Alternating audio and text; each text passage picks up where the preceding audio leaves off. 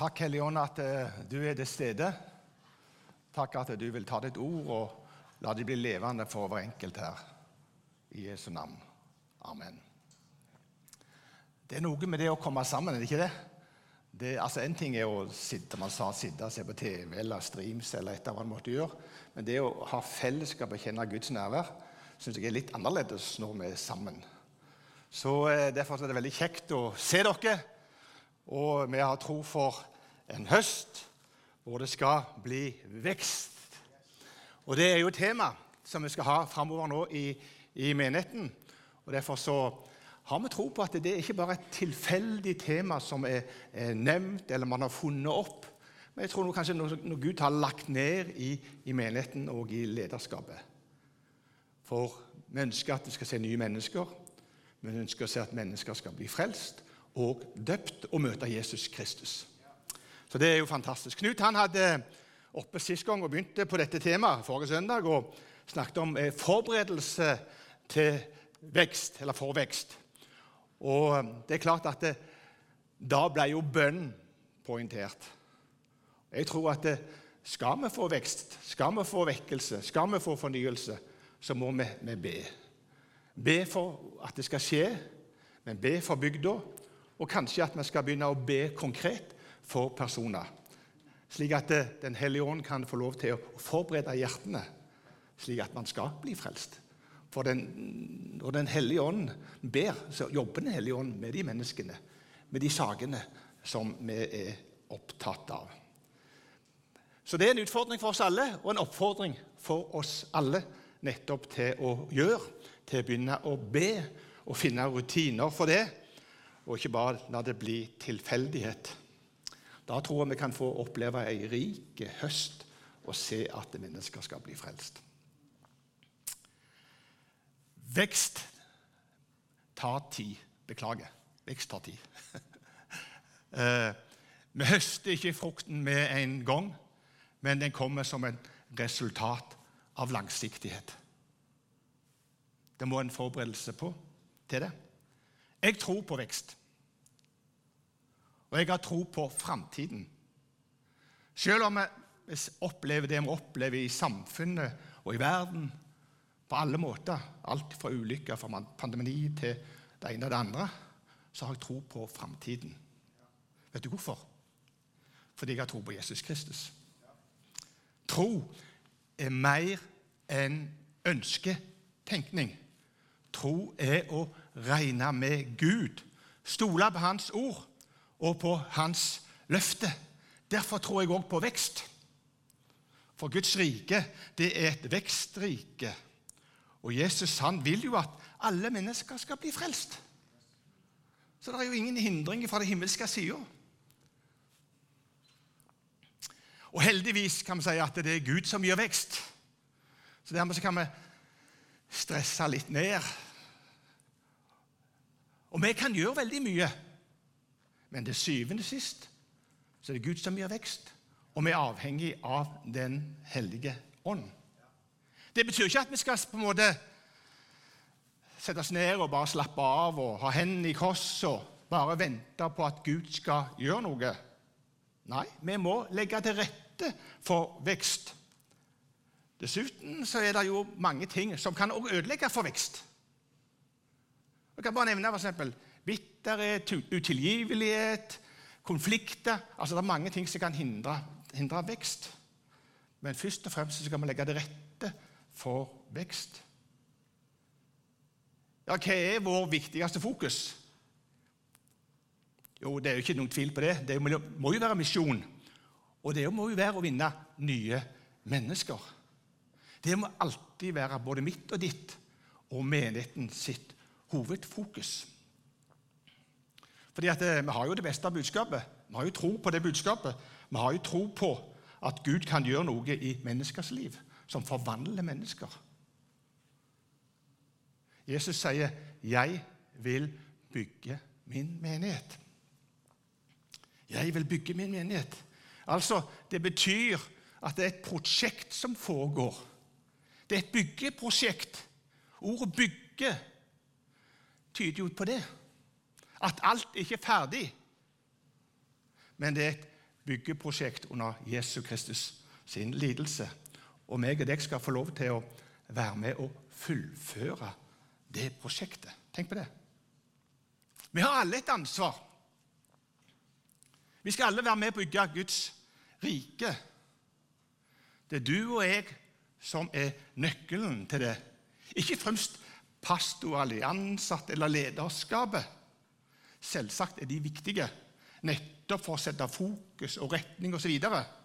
Men det er et felles ansvar av deg og meg. For vi har alle fått et kall. Derfor kan vi ikke skylde på noen hvorfor det ikke blir vekkelse, eller hvorfor det blir ikke framgang, hvorfor ikke mennesker blir, blir frelst. Ja, ja. Det betyr at det, vi er ansvarlige alle sammen nettopp for det. Og Så er det viktig å forstå at eh, menighetens største ressurs er ikke dette bygget, flotte bygget, eller for den antall medlemmer som er i protokollen, eller all den aktivitet som foregår. Nei, den største ressursen er nettopp meg og deg. Hver enkelt av oss har et potensial som Gud kan bruke.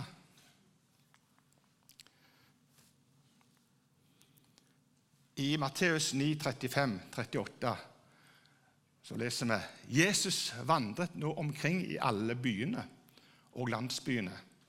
Han underviste i synagogene deres, forkynte evangeliet om riket og helbredet all sykdom og plage. Og da han så folkemengden, fikk han inderlig medfølelse med dem. Merk det. Inderlig medfølelse. For de var forkomne og hjelpeløse, som sauer uten gjeter. Da sa han til disiplene sine.: Høsten er stor, men arbeiderne få. Be derfor høstens herre sende ut arbeidere for å høste inn grøten hans. Høsten er stor. Ja, det er ikke tvil om det. Det er mye som er gjort. Det er mye som kan gjøres, og mange som kan nås. Det som var saken, det var mangla arbeidere. Og Her ser vi at løsningen var på en måte å, å be. Hva tenker du om en bonde som har sådd 100 mål, men høster, høster bare inn 15 mål? 15% Ja, noe må jo være fundamentalt galt. En tragedie kan være inntruffet. Enten så har bonden blitt fysisk syk, eller så har det kommet uvær som forhindrer innhøstningsarbeidet. Hvis det ikke er noen annen logisk forklaring, så må vi nesten tro at bonden enten har blitt mentalt forstyrra, eller rett og slett la det. Guds rike opererer ut fra samme prinsipp. Jesus fortalte gjentatte ganger om at Guds rike kan sammenlignes med bonden og åkeren og lik frø som plantes og vokser opp og gir frukt. Bøndene, sånne bønder her, så dere planter ikke for moro skyld. Dere sår ikke for moro skyld. Hovedpoenget for en bonde og for den fiskere er jo høsten. Ikke sant? Vi høster av jorda. Vi høster ifra havet. Vi får resultater.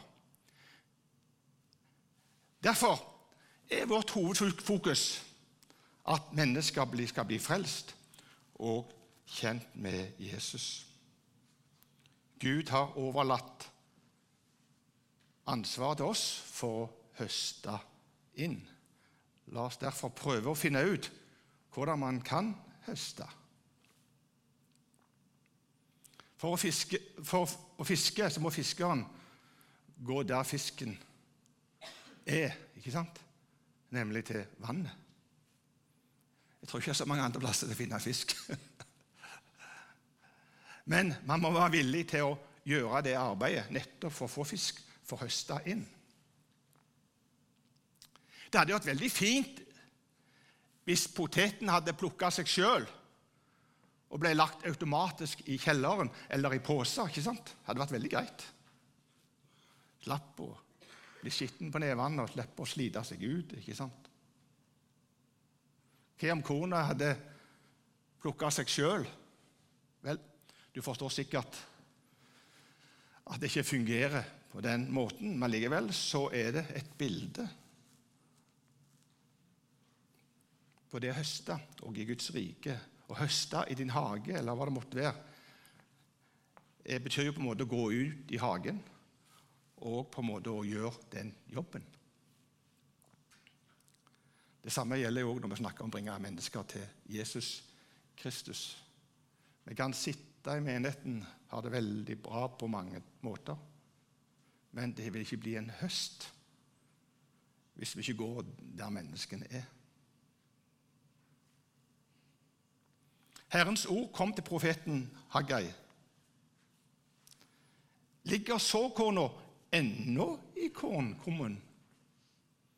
Står vinstokken og fikentreet, granateple og oliventreet fremdeles uten frukt? Et arbeid må gjøres, hvis ikke så vil det ikke sankes inn. Vi må gjøre alt, alt, for at det skal skje. Og Her kommer du og jeg inn i bildet. Og, og Jeg kjenner meg litt sånn maktesløs og kjenner at nå, nå preker jeg litt til meg sjøl òg, bare så det er klart. Vi trenger all, alle initiativ og all kreativitet. Ingenting må være uprøva for å formidle evangeliet til de som ennå ikke tror. Kanskje både jeg og du må tørre å bli litt utfordra nettopp på det. Hvordan tenkte Jesus? Og hva gjorde han? Ja, Når vi leser i Johannes 4 om Jesus og den samaritanske kvinne, så ser vi noen interessante ting. Jesus prata med en kvinne. Jaha, det var ikke så lurt. Og til og med så var hun samaritansk kvinne. Det var enda mindre lurt. Vi ser til og med at disiplene, de som var nær Jesus, de reagerte til og med. I vers 27 står det vi ser at disiplene undret seg hvorfor han snakket med en kvinne, og at det i tillegg var samaritansk kvinne. Det var ikke vanlig at man gjorde det. Kanskje iblant må vi gjøre noe vi aldri har gjort før. Det fins nok både skrevne og uskrevne regler blant oss kristne og i menigheten for den del, som kanskje vi må tørre å utfordre litt. Vi trenger å være kreative. Vi trenger kreative personer. Vi trenger å lytte til Den hellige ånd. Og jeg tror det fins veldig mange gode ideer som Den hellige ånd har, som han vil gi oss. For jeg tror Den hellige ånd er kreativ. Jesus han, han brøt tre grenser for å nå nye mennesker. Kanskje han brøt flere, men umiddelbart så tar jeg fram tre. Og Da kommer jeg tilbake til den historien om samaritanske kvinner. Jesus gjorde ting andre ikke vågte å gjøre. Da kommer en samaritansk kvinne for å hente vann. Jesus sier til henne, 'La meg få drikke.' Disippelen hans var nå gått inn i byen for å kjøpe mat. Hun sier, 'Hvordan kan du som jøde be meg, en samaritansk kvinne, om å få drikke?' For jøder omgås ikke samaritanere. Som jeg sa tidligere, Jesus hadde omgang her med en samaritaner, eller hadde kontakt med en samaritaner. Ingen andre hadde gjort det. Og derfor var det sånn, og det var ikke vanlig. Derfor var det reaksjon. Fakta og situasjonen er det at hvis ikke vi snakker med mennesker, så skjer det ingenting. Og kanskje vi skal snakke med noen som ikke kanskje er sånn A4-format, eller sånn som alle andre ville snakket med. Sånn som Jesus gjorde her. Kanskje det finnes noen mennesker som ingen har kontakt med, eller tar kontakt med, av en eller annen årsak. Det kan være mange årsaker til det.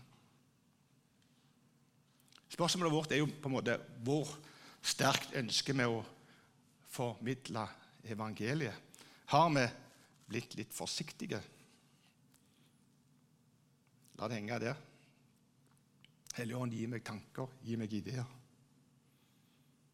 Det fins nye muligheter, og mange muligheter. Jesus han brøt en grense her sammen. Det andre han Jesus gjorde Han gjorde ting andre ikke likte. Derfra fikk, gikk Jesus videre og fikk se en mann som satt på tollboden. Han het Matteus. Jesus sa til ham, 'Følg meg.' Og han reiste seg og fulgte ham. Senere var Jesus gjest i huset. Hm. Det kom mange tollere og syndere hm. og var sammen med Jesus og disiplene hans til bords. Dette var, helst, dette var folk du helst ikke skulle være sammen med. Du skulle holde deg vekk fra disse tollerne og, og synderne. De var ikke hvem som helst. De hadde mye bagasje og de hadde mye rart de holdt på med. Men Jesus han hygga seg sammen med disse folka. Tollere og syndere. Tenk det. Fariserene, de skriftlærde, de som kunne Skriften og Bibelen, hva sier han? De, de, de reagerte jo. Det var feil å gjøre det, å være sammen med disse. Men hvorfor gjorde Jesus det? Selvsagt, det var for å vinne og bygge relasjon til disse menneskene. For hvem ellers skulle gjøre det for å vinne disse? Det er viktig å forstå det at eh, gode ideer kommer ikke alltid til alle samtidig. Har du merka deg det? Nå fikk vi en kollektiv fantastisk idé. Hva gjør vi det? Nei, nei. Gud taler enkeltvis til enkeltpersoner. Til deg. Og Kanskje du ser et, behov. Kanskje du får en idé. Så er det ikke sikkert han gir de samme ideene og tankene til andre mennesker. Jeg opplevde det i forrige århundre da jeg var pastor. Så, så, så var det mange som kom med mange gode ideer. Vi gjøre det som menighet? Så måtte jeg si Kanskje Gud har talt til deg? Derfor du fikk den ideen. Kanskje det er Den hellige ånd som minner deg på å gjøre ting, og ikke alle andre. Kanskje du skal gjøre det. Ikke overføre det til nå må lederskapet gjøre det, nå må pastoren gjøre det, nå må menigheten gjøre det. Nei, Gud taler til deg, og så er det din oppgave til Kanskje det var noe. Spør Gud hva skal jeg gjøre nå? Så må du ta det steget videre. For det er ikke sikkert han taler til ledelsen for han taler til deg. Men det kan, kan være med å sanksjonere det og være positiv til at du gjør det. Det er noe annet. Kanskje du skal bryte noen grenser. Heldigvis så hørte ikke Jesus på fariserene. Du må heller ikke høre på alle andre alltid. Pastoren hørte det ikke. Du må ikke alltid høre på alle andre. Eller de som er negative til dine tanker og dine ideer om å gjøre ting. Ikke hør alltid på dem. Noen ganger så må du være modig til å gå mot strømmen, for Gud har talt til deg og lagt noe ned til deg, og du ser et behov.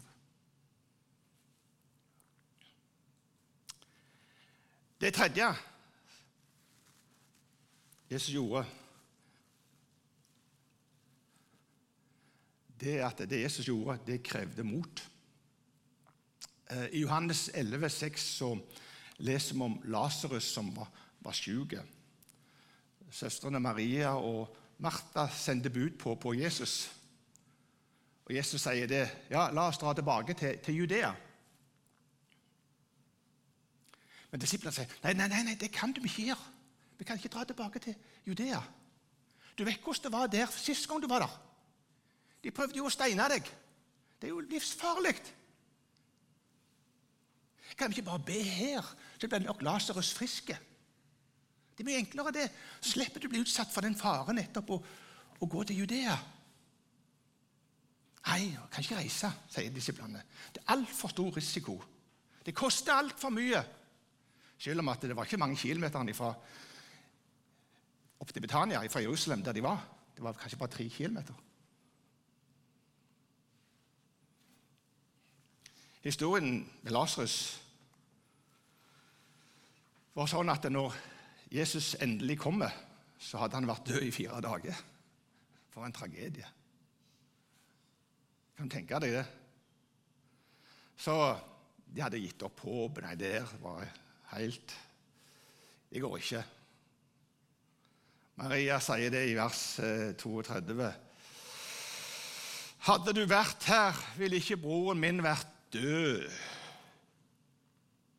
Men Jesus han sier ber de ta bort steinen til grava, og så ser vi at eh, Lasarus han lever. Han står opp for de døde.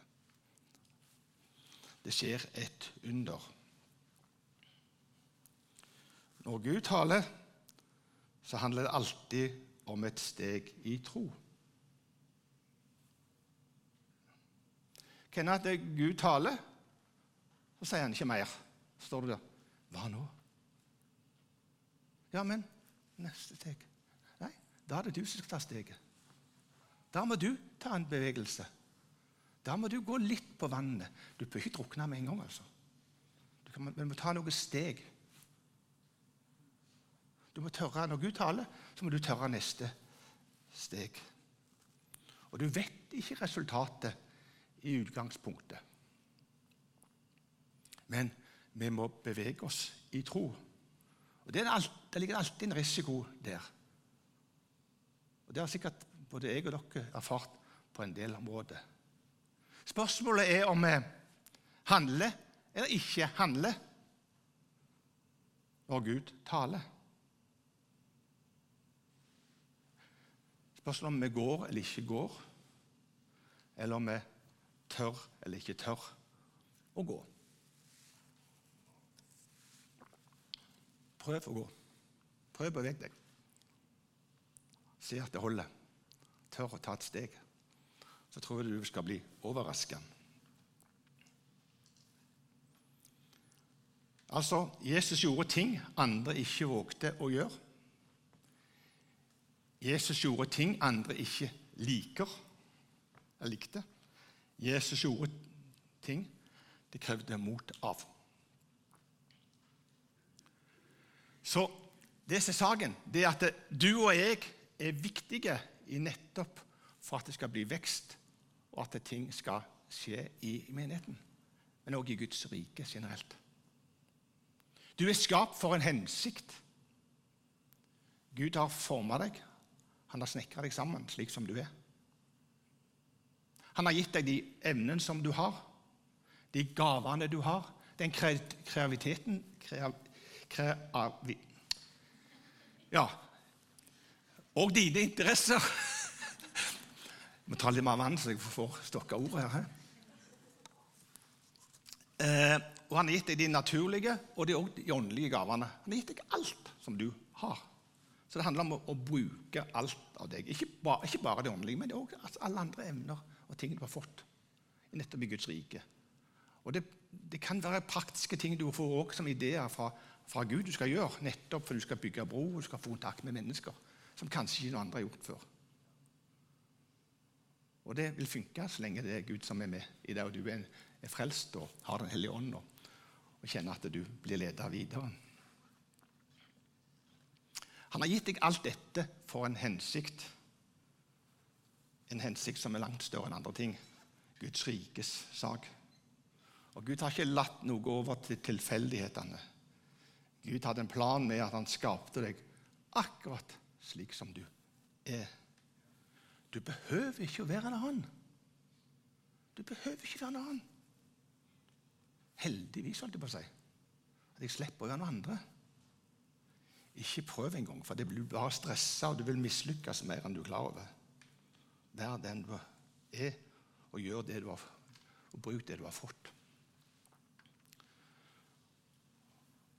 Til slutt vil jeg kanskje ta fram noe av det som kanskje er det aller viktigste i forhold til, til vekst for at noe skal skje i Guds rike. Vi har fått en del nådegaver, som Bibelen beskriver. Og det er ikke tvil om at vi er avhengig av Den hellige ånds kraft og ledelse i Guds rike.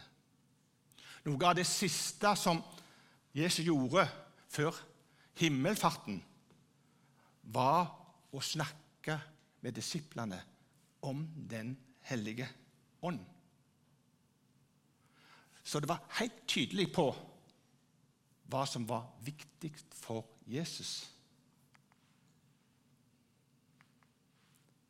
Men dere skal få kraft kraft når Den hellige ånd kommer over dere.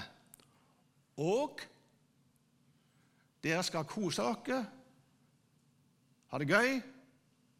Nei. Og dere skal være mine vitner i Jerusalem og i hele Judea, i Samaria og helt til jordens ende. Hensikten med å ha fått Den hellige ånd, at vi å få Den hellige ånds kraft, bli døpt i Den hellige ånd, det er nettopp for at vi skal bli frimodige og kunne formidle evangeliet med kraft. Være Jesu vitner. Så vi har ikke fått Den hellige ånd først og fremst for å ha koselige og gode karismatiske møter. Oi sann! Men vi har fått kraft til å nå ut til hele verden. Selvsagt skal vi glede oss og fryde oss i Den hellige ånd. Og vi må nettopp få gjøre det òg for kanskje at vi skal bli, få kraft for å gå ut. Men det er ikke det som er opprinnelig hensikten med det å ha det. Å bare ha åndelig gode møter. Men det er for at vi skal ha en kraft når vi går ut i verden for å være vitne. Og helt til jordens ende. Så Derfor så må både mitt, vårt og menighetens hovedfokus være misjon hele verden, men òg i Jerusalem, i Hommersåk, å vinne nye mennesker. Det er det som først og fremst ligger på Jesus sitt hjerte, og det er det vi er kalt til. Den dagen Paulus ble frelst, ble han en misjonær. Den dagen du ble frelst, ble du en misjonær. Du ble et vitne for Han. Ikke se smått på det du gjør, eller på de gaver du har. Vær frimodig. Tør å utfordre deg sjøl. Og gjør ting sjøl om ikke andre tror på deg eller tror på det. Vær litt vågal. Vær litt kreativ. Hvorfor? Jo, alt for å vinne noen. Skal du fange fisk, så ikke kast nettet i badekaret. Det vet vi jo. Det blir altfor lite fisk av det. Hvis du ikke har stappet oppi noen små, små fra før av. Der fins det ingen fisk der. Det er vel det sannheten. Jesus sier Løft blikket og se på markene. De står alt hvite mot høst. Bonden han kan ikke se på høsten som, kom, som har kommet og bare uten arbeid. Nei, altså han, han, vil, han gjør alt han jobber til og med på, på hviledagen, på søndagen. og Selv om det er mørkt, så er han ute på marka for å få høsta inn hvis høsten er kommet. Sørge, få det inn på, på låven nå. Og der er det høyt under taket. Og dørene er stor og vid, vid på låven.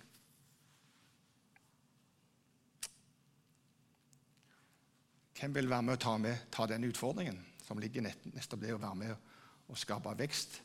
Legge forholdene til rette for vekst. Gjør det som Gud taler i ditt liv. Tørre å være, gå på ting du kjenner. Tørre å være litt utrygge når du går. Tørre å gjøre nye ting. Kanskje det er utfordringen. Og Først og fremst skal du begynne alltid med bønn først. Som ikke handler på en måte bare i, i tilfeldigheter. Men tror du taler litt ned deg, så kan du begynne å be for det, og så kan du handle. Så kan du kjenne på om det er Og se om det blir resultat av det. Hvem vil ta utfordringen?